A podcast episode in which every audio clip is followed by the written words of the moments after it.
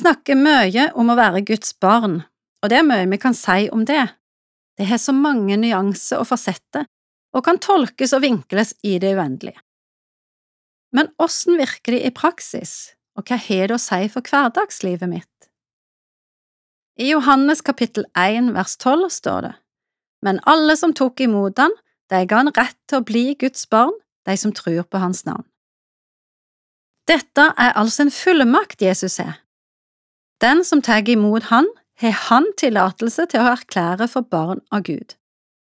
Ikke bare tillatelse til, men ordet på gresk inkluderer også muligheten, kraften og styrken til å gjennomføre det. Så Jesus har både evnen og retten, vi trenger bare å ta imot. Ordet for barn vektlegger fødselens faktum, at man er barn fordi man er født av foreldre. Det peker igjen på at den som tror på Jesus, som tar imot han, blir født på ny, sånn som Jesus forklarte Nikodemus, som vi kan lese om i Johannes kapittel 3. Når vi blir født på ny, er vi ikke alene. Vi har fått Gud som far, Jesus som bror og den verdensvide kirka som familie. Det gjør at vi har fått røtter, identitet og omsorgspersoner. I Johannes kapittel 14 snakker Jesus om å være som foreldreløse barn. Det skjønner vi er ikke bra. Selv om de skulle ha andre og gode omsorgspersoner, skjer det ofte at de strever med en gnagende følelse av å være forlatt og en uro over å ikke kjenne røttene sine, og gjennom dem å kjenne seg selv. Og har en ikke gode omsorgspersoner heller, så er det i hvert fall vanskelig å være foreldreløs. Det er godt og trygt med Guds familie som kan hjelpe oss og gi fellesskap og gode opplevelser.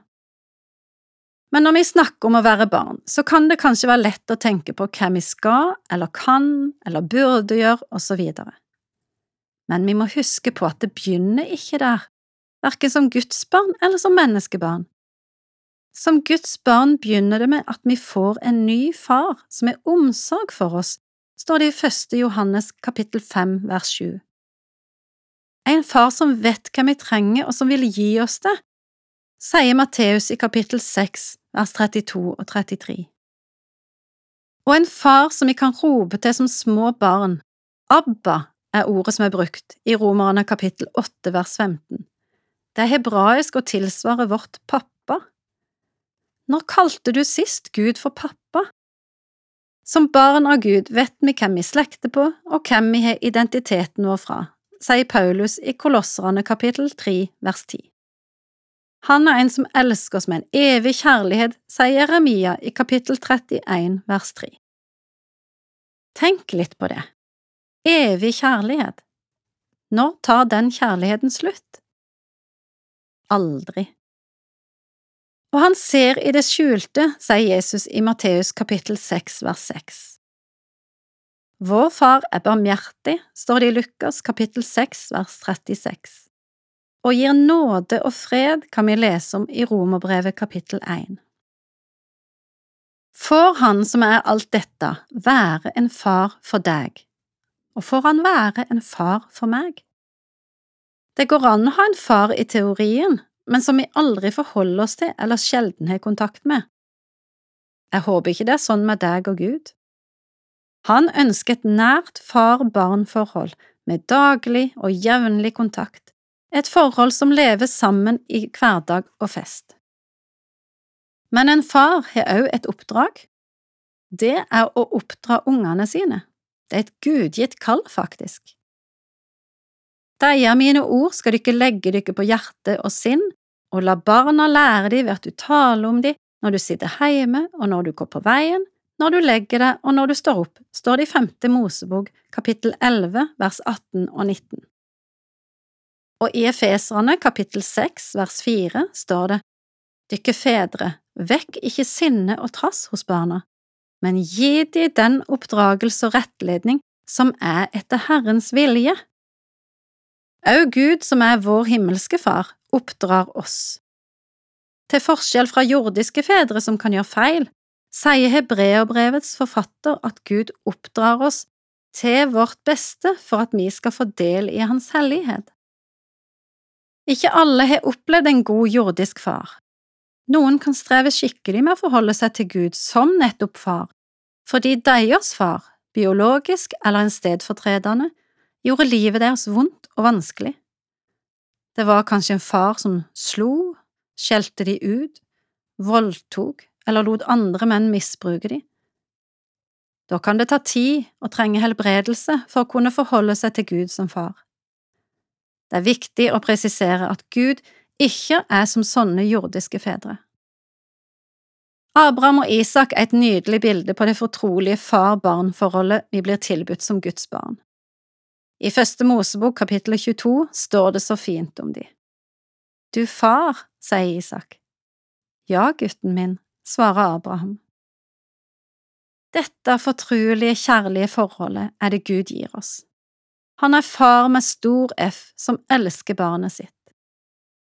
Så da kan vi få si i dag, du Gud, og så kan vi få tro at han svarer, ja, barnet mitt. Jeg sendte en gang ei pakke med noe oppmuntrende til ei dame. Pakka kom i retur, med beskjed fra posten at pakka ikke var henta. Jeg vet ikke hvorfor hun ikke henta pakka, kanskje fordi hun ikke vet hvem jeg er.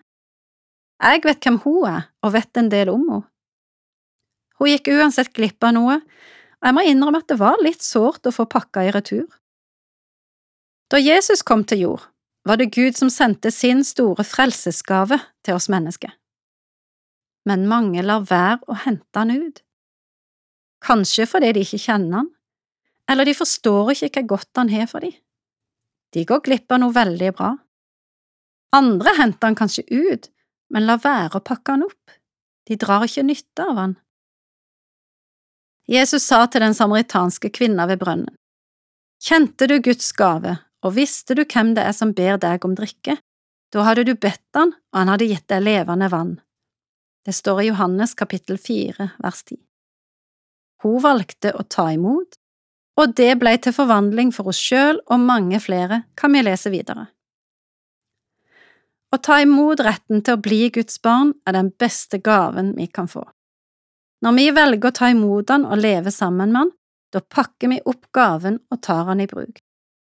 Ettersom tida og årene går, utfolder Jesus seg mer og mer, og vi erfarer stadig mer av hva det vil si å være Guds barn. Vi kan grunne i det uendelige på hva det innebærer at vi får være Guds barn. Det er så stort at det er ikke til å fatte, egentlig. Men i bunn og grunn handler det om å la Gud få være far for oss. Han er ikke bare far til oss, men han ønsker å være far for oss. Det vil si å være den vi deler levd hverdagsliv med og søker til for omsorg og hjelp. Og en dag skal vi bli henta hjem til han og få se han sånn som han virkelig er. Hvilken nåde og gave! Du har hørt en andakt i serien Over en åpen bibel. Andaktshalder i dag var Eli Fuglestad. Serien blir produsert av Norea Mediemisjon. Følg oss gjerne på Facebook og Instagram da får du flere ganger i veka oppdatert informasjon om arbeidet som vi driver.